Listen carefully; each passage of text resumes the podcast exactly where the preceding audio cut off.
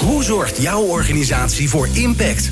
Wat betekenen jullie voor de samenleving? Bedrijven hebben de kracht om maatschappelijke vraagstukken op te lossen. Zo zorgen zij voor winst op alle vlakken.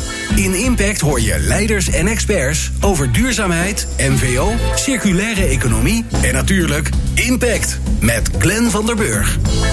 Het is niet langer de vraag of grote bedrijven moeten verduurzamen, maar hoe ze dat gaan doen. Nu de zeespiegel blijft stijgen, de biodiversiteit afneemt en de sociale ongelijkheid toeneemt, kan ook het bedrijfsleven niet langer wegkijken of de verantwoordelijkheid bij de overheid blijven leggen. Hierover schreven Paul Polman en Andrew Winston een inspirerend boek, een netto positief bedrijfsleven. Maar hoe krijgen we dat voor elkaar? Wat is het eigenlijk en welke rol spelen samenwerkingen erin? Ik praat er met drie experts over. Uh, Michel Scholte, co-founder en director van het Impact Institute True Price. En daarnaast doet hij nog heel veel andere dingen, maar dat duurt veel te lang om dat allemaal uit te leggen. Bas Ruter is de gast, Global Head Food System Transition bij de Rabobank.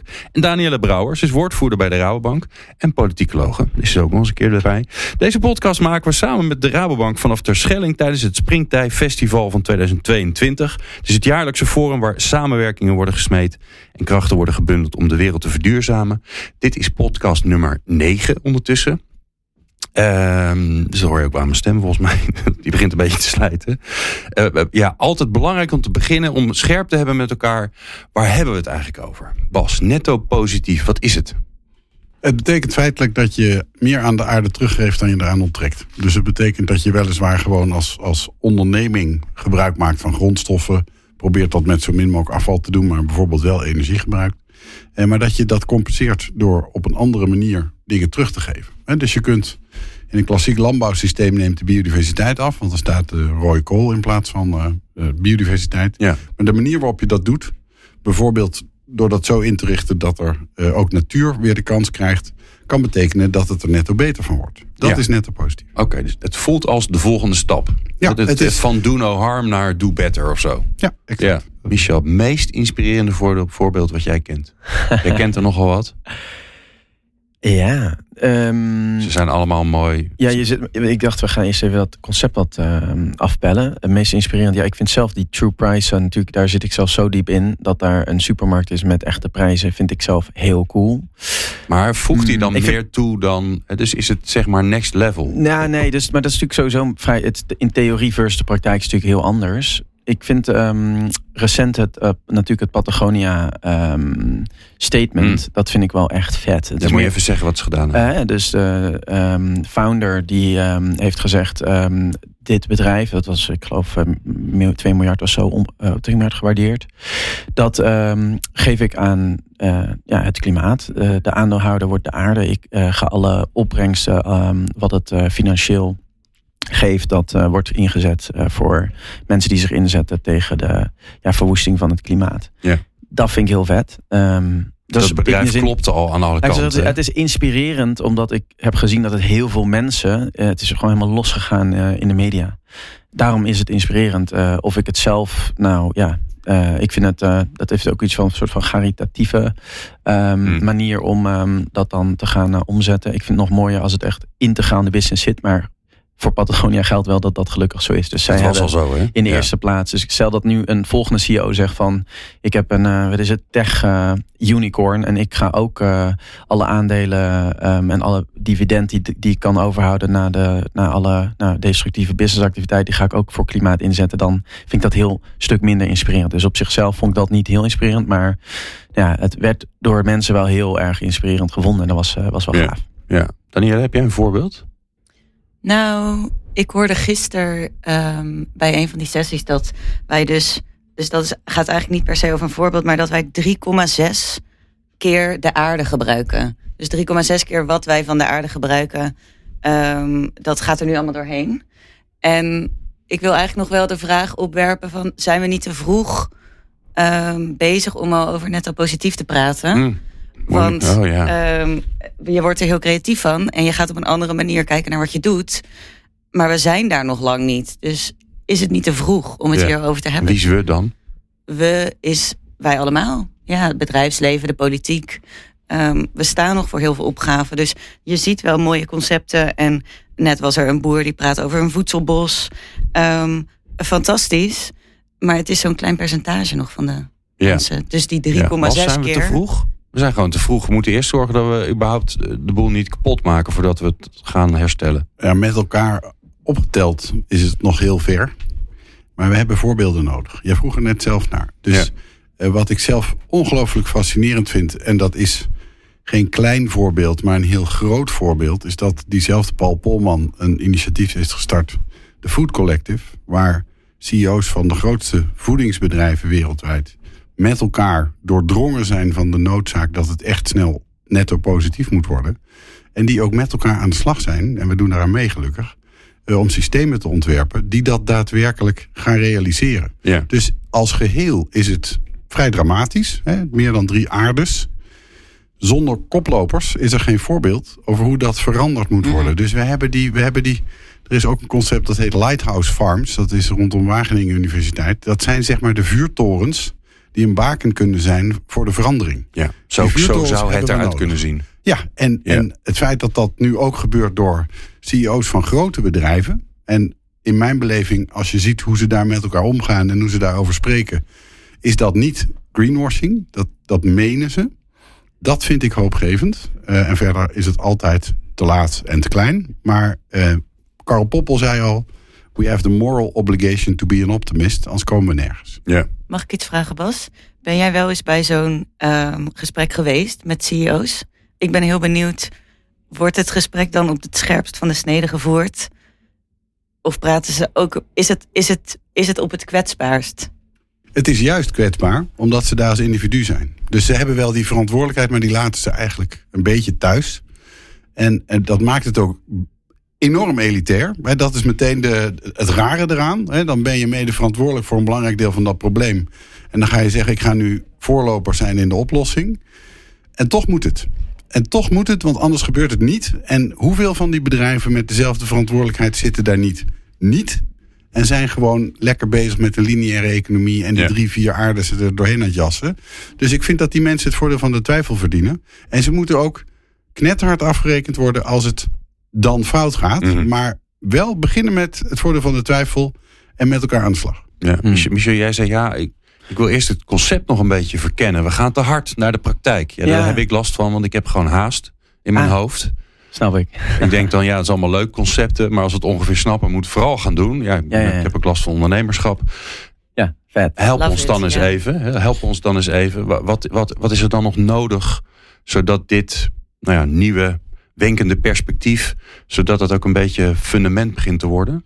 Helder, ja, nee, het is natuurlijk een, fantastisch boek en ook een visionair. En ja, eh, zeker ehm, veel beter als alle, eh, noem het bedrijfsleiders, eh, dat concept omarmen. Maar het is zeker heel risicovol om te spreken over netten.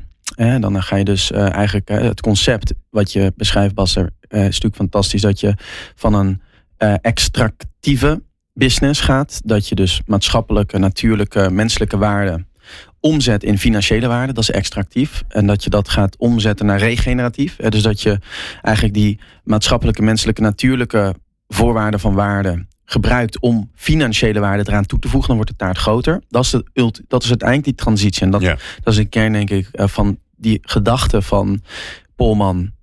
En ook wat er in het boek eh, beschreven wordt.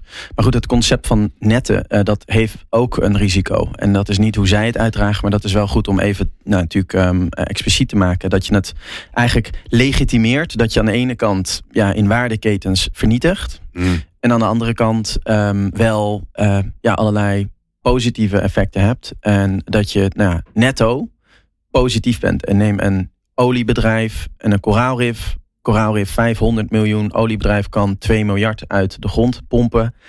Dan zegt het oliebedrijf, nou hoeveel kost zo'n koraalrif 500 miljoen? Geef me die prijs, reken ik af. En netto hebben we anderhalf miljard aan winst. Dat is nette en dat is echt extreem risicovol. En dat is de tragiek als we het hebben over Popper. Die zei ook, hè, de eh, goede intenties plawijzen de weg naar de hel. Milieueconomie heeft in de afgelopen decennia met al die goede intenties de natuur eigenlijk in de uitverkoop eh, gezet. En dat zie je nog steeds. Dat zie je nog steeds dat eh, veel van die beleidsmakers ehm, dat concept op die manier interpreteren. En als we het hebben bijvoorbeeld over klimaat, wat in, hetzelfde, in diezelfde tragische interpretatie van netten zit, is dat je ehm, eigenlijk zegt, we kunnen eh, die fossiele grondstoffen uit de ondergrond, die dan in koolstofvorm worden geconverteerd naar gas. Die kunnen we dan weer in een, ja, noem het, uh, solide basis of een solide vorm van koolstof in beplanting, een begroeiing brengen. Dat heeft ook enorme risico's, want dat is een kortcyclische vorm die uh, wordt gebruikt voor een langcyclische vorm van koolstof. Maar eigenlijk en dat is veel je, het is gewoon een soort aflaat. Het zit dus een gigantisch risico en dat is wel heel belangrijk. En ik ben blij dat je dat zegt, Danielle, dat we uh, goed weten wat we doen en dat we dus echt snappen van wat bedoelen we precies met net zero en dat ja mensen, want het is hier toch ook wel dat er heel veel lipdiensten bewezen worden en mensen, ik, ik heb ook veel uh, blootstelling aan dat soort CEO-events. En mijn, het is altijd heel erg aan de oppervlakte. En, en er staan altijd olifanten in de kamer, die worden niet, vaak niet benoemd. Um, en, en als je het echt wil hebben over waar hebben we het nou precies over, dan wordt het natuurlijk al heel snel ongemakkelijk omdat dit soort dingen dat is niet zo fijn, want er is maar een heel dun paadje. En die business moet echt 100% anders vaak. Wil het echt doorrekenen um, op een eerlijke manier van rekenen. Bijvoorbeeld wat ik net zei eh, met. Um, nou ja, maar dit klinkt heel. Het, voor, het voorbeeld van, de, van het, het koraalrif, dat doet natuurlijk gelijk pijn. denk je, ja, 500 miljoen, dat is veel te weinig. Dat, je kunt daar geen prijs op zetten. Net zoals dat je geen prijs op je kinderen kunt zetten, volgens mij. Helemaal eens. Dan wordt het een hele koude berekening van, oh oké, weet je, we compenseren ergens. Ja. Aan de andere kant kun je ook zeggen, dat is ook hoe de natuur in elkaar zit. Hè? Ja. Wij ademen ook allemaal uh, eh, CO2 uit en we ademen uh, ja, er zit een, een beetje mee zit uh, zuurstof in. Hè? Ecosystemen. Om ons heen. Maar dat, ik hoor jou dus zeggen, dat zit eigenlijk te, te weinig in dan. Er wordt niet voldoende kritisch nagedacht over dit soort concepten en wat de implicaties zijn voor bedrijfsvoering. En men gaat daar heel snel nou ja, in een soort van oppervlakkige actiemodus. Ja, ja ik, ik snap wel wat je zegt. En vaak pakt het zo uit. We moeten ons ook beseffen dat economische activiteit heel vaak intrinsiek vernietigt. Landbouw is op een bepaald stuk grond alleen maar spullen telen voor consumptie. Daar stond iets wat meer biodiversiteit had. Maar de waarde van die landbouw is wel dat we te eten hebben. Um, dus daar zit intrinsiek een probleem tussen aanhalingstekens. Uh, en ik geloof er heel erg in dat je blijft eten. ik denk wij allemaal. Maar je moet het even benoemen als tegenkracht ten opzichte van netto is, is, is, is aflaat. Uh, intrinsiek zit daar een probleem. Maar we willen ook allemaal eten. Um, ik denk in dat opzicht dat we moeten erkennen dat die systemen in een kringloop krijgen.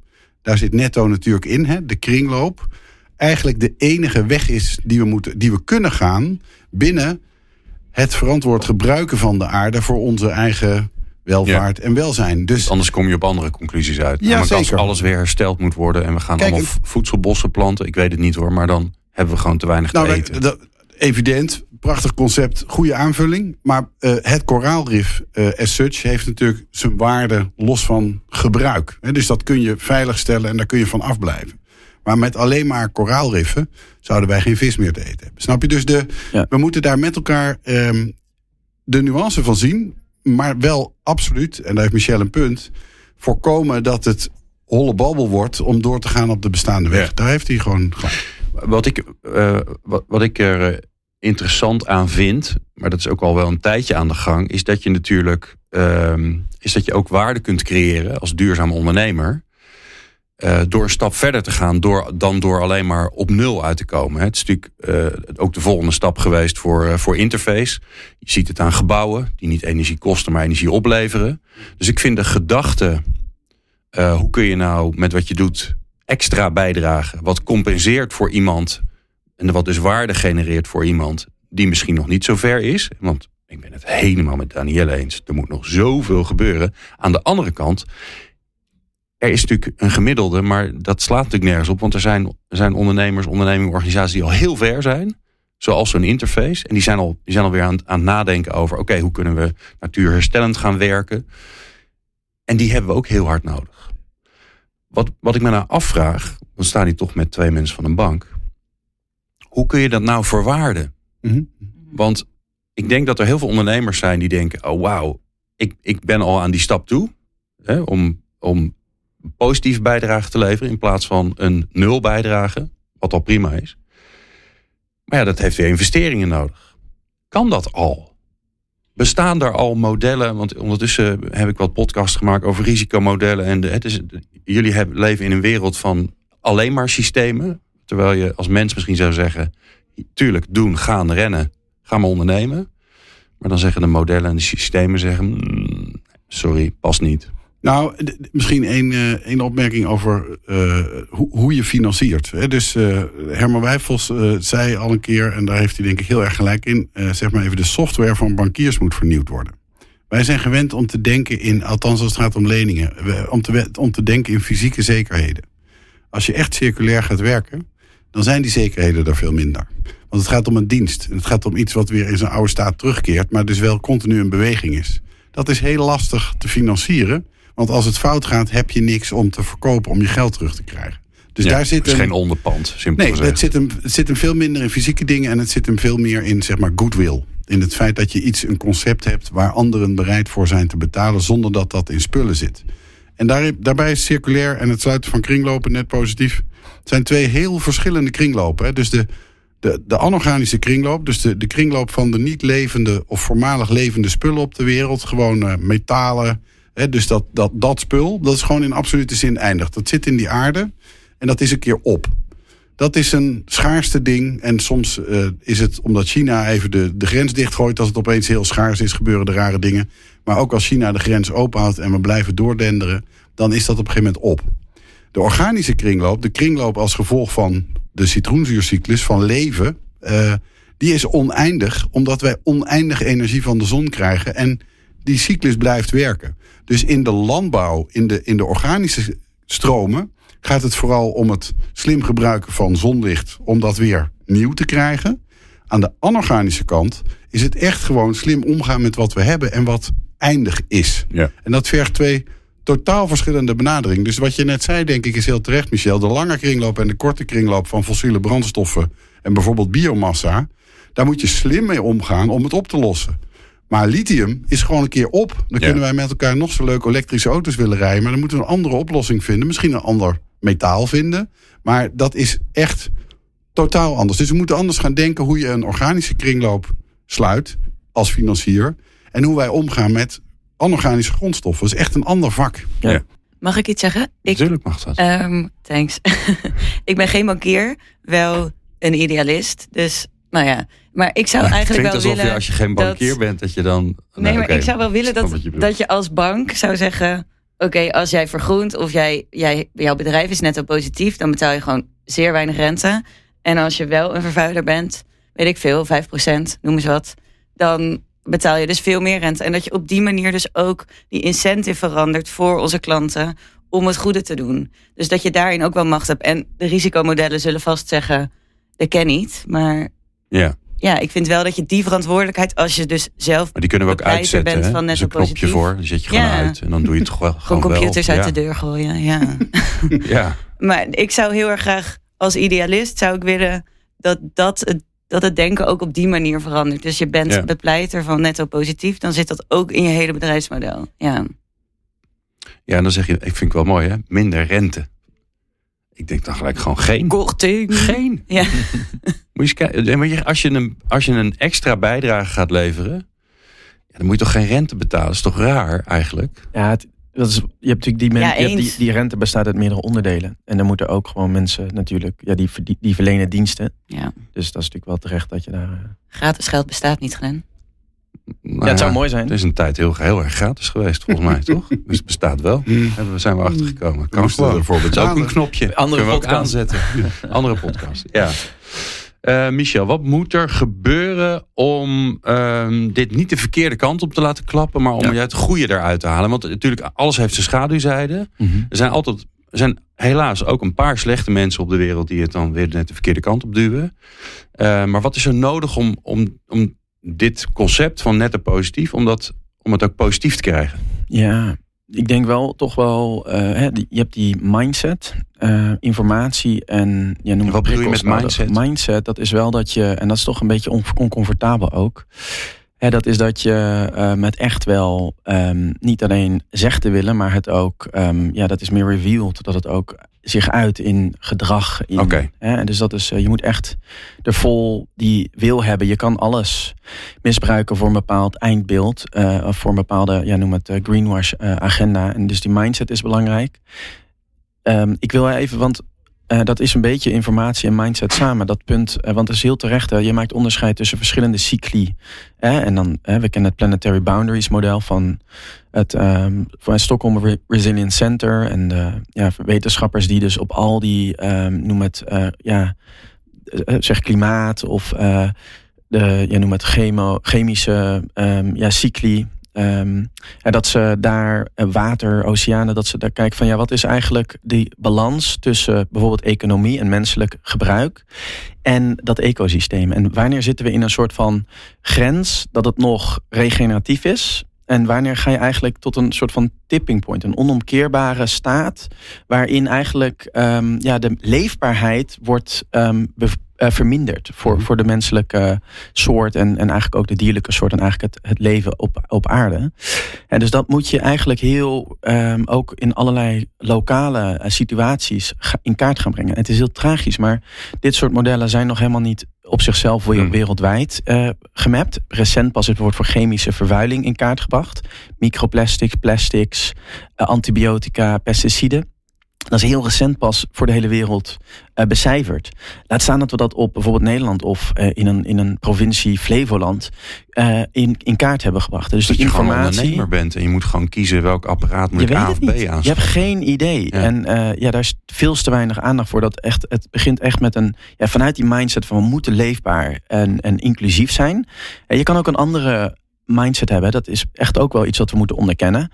Er zijn ook, dat noem ik technodystopie. Eh dystopische eh, ja, denkers. Ik noem even de Bin Salman, de sheikh eh, van Saudi-Arabië. Die, vinden, ja, die, hebben, die zijn gewend om in een soort van gorddroge woestijn een stad te bouwen. Die in mijn ogen Waar je heel dystopisch, ja, waar je kan skiën, waar oceanen zijn. Die hebben nu een Mirrorline project in 2030. Willen ze eh 7 miljoen mensen in een soort van, ja, heel, ehm, het is, dat noemen ze dan heel natuur. Dat willen ze echt een, een ex- expositie maken van hoe innovatie kan leiden tot natuurherstel. Maar het is natuurlijk verschrikkelijk, want het is een, ja, een grote wolkenkrabber van kilometers lang in de, in de, in de woestijn. Dus muur, maar dat is, dat is hun eindspel. Dat vinden zij een leefbare planeet. Wij hebben daar een heel ander beeld bij. Wij willen vooral die groene rivieren, die, die vogels, die weides, die eh, bossen van Europa met leefbare steden, met schone lucht, met een klimaat dat, dat, dat cool is, hè, eh, met gletsjers. Dat willen wij behouden. Dat is een heel ander beeld. We hebben een totale eh, tegengestelde belang in dat opzicht. Dat moeten we wel erkennen. En ja, daar moeten we denk ik ook wel voor strijden. Maar dan heb je dus die informatie. Ik ben het eens dat het voor de financiële instellingen betekent dat dat je kan, pas, je kan alleen die contracten en die transacties eh, sluiten als je keihard kan vaststellen wat zijn nou ehm, ja, die plannen, wat zijn nou die effecten voor eh, dat regeneratieve systeem dat we nastreven. En die taal die is helaas amper voorhanden. Hoewel natuurlijk iedereen, je hoort je spreken ja, zoveel ESG. Maar als je het fundamenteel bekijkt, dan is er nog niet voldoende taal. Er is nog niet voldoende data. Er is nog niet voldoende geharmoniseerde taal. Er zijn nog geen conventies. De conventies die er zijn, als de taxonomie, als de CSRD, dat is ja, eh, relatief kwalitatief. Eh, dat zijn klassificaties, maar dat is niet echt op impact voor dat regeneratieve systeem. Mm. Ja, en als je dan die inderdaad die prikkels wil hebben, of je dat nou marktprikkels maakt, zoals een bank in eh, meer privaatrechtelijke prikkel, eh, een contractuele prikkel van, nou, dit is eh, je rente met een bepaalde duurzaamheidsscore versus nou, met een mindere duurzame score. Maar het zegt belasting, en als de overheid echt kan gaan werken voor die transitie, dan heb je wel nog echt wel wat, eh, ja. noem het, sterkere informatiesystemen nodig. Ja, maar we weten ook dingen wel, gelukkig. We weten te weinig, maar dat is voor mij fact of life, dat we altijd te weinig weten. Maar we weten ook dingen wel. Dus wat kunnen we nu al doen? Daar wil ik eigenlijk mee afronden. Wat, wat kunnen we gaan maken? Wat Nou kunnen we doen? Een voorbeeld van de, de missende taal is dat we hem nu aan het maken zijn. Dus we hebben eh, een paar jaar geleden was er de taal voor het klimaat. Dat heette dan de Task Force for Climate Related Financial Disclosure. Die is als een speer door de hele economie omarmd. Die wordt nu in toezicht eh, als randvoorwaarde gesteld. Wij krijgen vragen van de Europese Centrale Bank als we dat niet integreren in ons risi- risicomanagement en onze rapportage. En we zijn diezelfde taal nu aan het schrijven voor natuur. Dus we hebben nu de Task Force for Nature Related Financial Disclosure. Die is in een nog veel rapper tempo mainstream aan het worden. hij is nog niet klaar. Ik ben zelf voorzitter van de werkgroep Metrics en Targets van TNFD. En we hebben nu al, uh, terwijl dat ding volgend jaar oktober pas uitkomt, een lobby om op de top voor biodiversiteit in Montreal in december.